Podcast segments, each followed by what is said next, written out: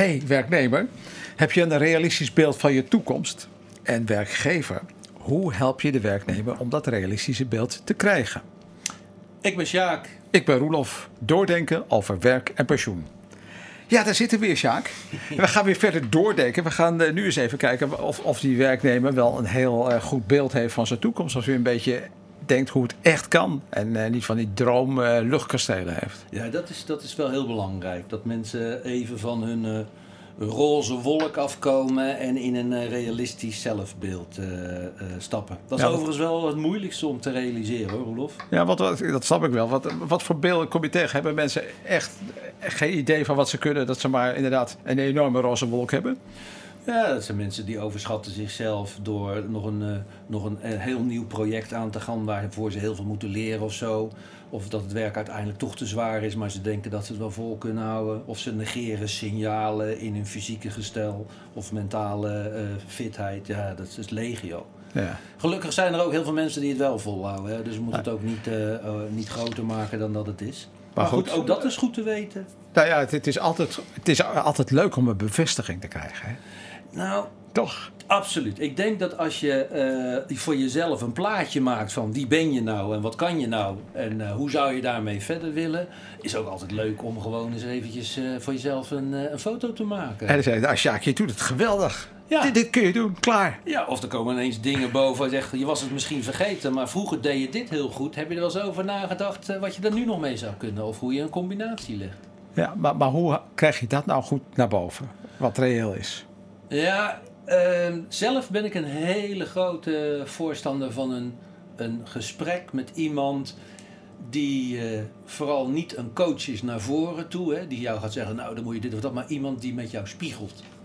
En, en iemand die met jou spiegelt, is iemand die eigenlijk ja, alleen maar teruggeeft wat je zelf, uh, zelf vertelt. Hè? Dat lijkt mij een spiegel. Absoluut.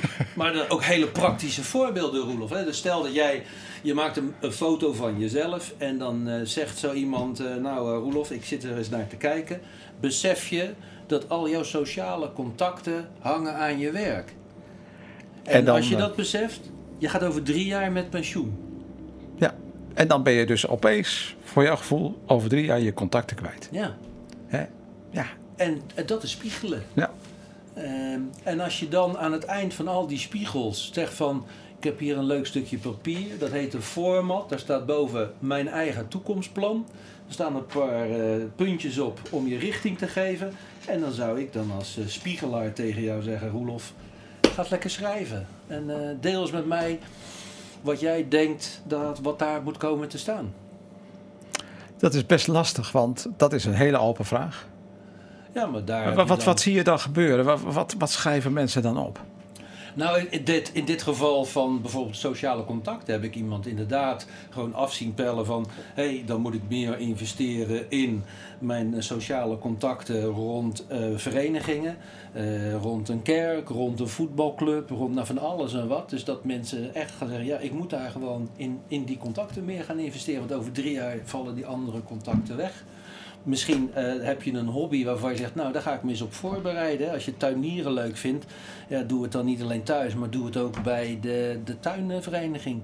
Dat zijn de dingen die, die mensen gaan, uh, gaan bedenken. Ik kom ook heel veel mensen tegen, ja, je gelooft er bijna niet, maar zonder hobby's.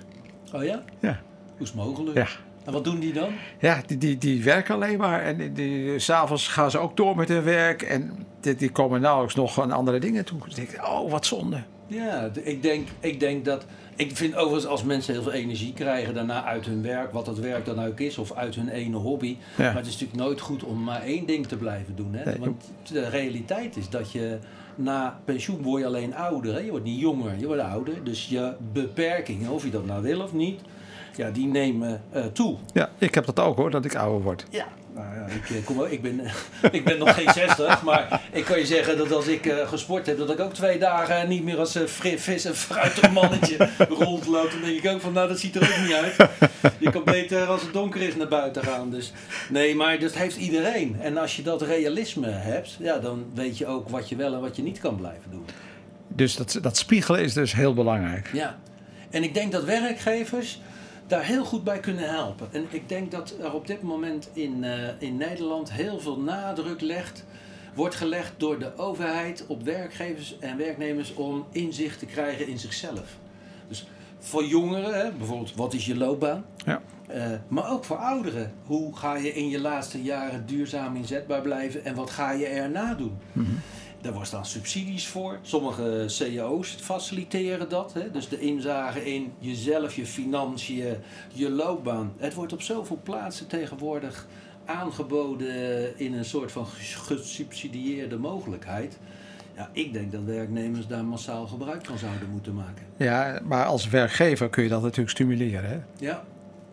Dan kun je, kun je wat doen uh, richting de werknemers. Via je personeelszaken dan zou je iets kunnen aankaarten. Zodat het ook een beetje een instituut wordt binnen jouw bedrijf. Omdat het ook, ik denk dat het dan ook vooral iets te maken heeft met uh, vertrouwen naar elkaar. Het heel veel van die regelingen in een CEO, wat je wil, dat, Ja. dat vergt, ik noem het altijd wederzijdse samenwerking. Ja. Wederzijds, je moet het samen doen. Ja. Want als ik wil en jij niet, komt het niet voor elkaar. En als jij het naar mij doet, vertrouw ik je niet. Dus er zit altijd een haak en een oog wat niet lekker is. Dus als je samen gewoon zo'n project kan inzetten. Van, weet je, ga eens een foto maken van jezelf. Zodat we daarna kunnen spiegelen wat de mogelijkheden zijn die passen bij jouw toekomst. Dat moet toch altijd een leuk gesprek worden, Roelof, of niet? dat lijkt mij ook. Want dan denk ik van, nou ja, de, de, de tegenpartij die bestaat niet meer. Hè? Want dat heb je een beetje met, met CAO-onderhandelingen. Eigenlijk een- zitten partijen tegenover elkaar. Ja. Dan denk ik, ja, ga nou eens een keertje naast elkaar zitten. Ja, maar dat zal altijd zo blijven. Want er moet een beetje handje kloppen en meer en minder. Maar als werknemer pluk je altijd de vruchten.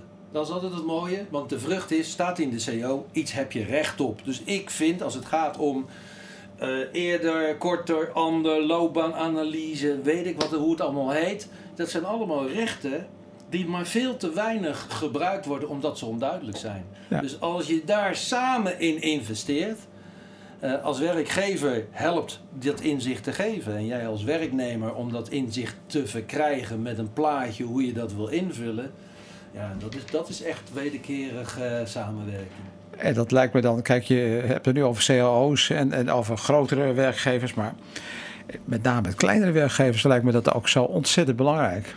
Want ja, kijk, je hebt misschien vijf mensen in dienst. En eh, een aantal zijn wat ouder.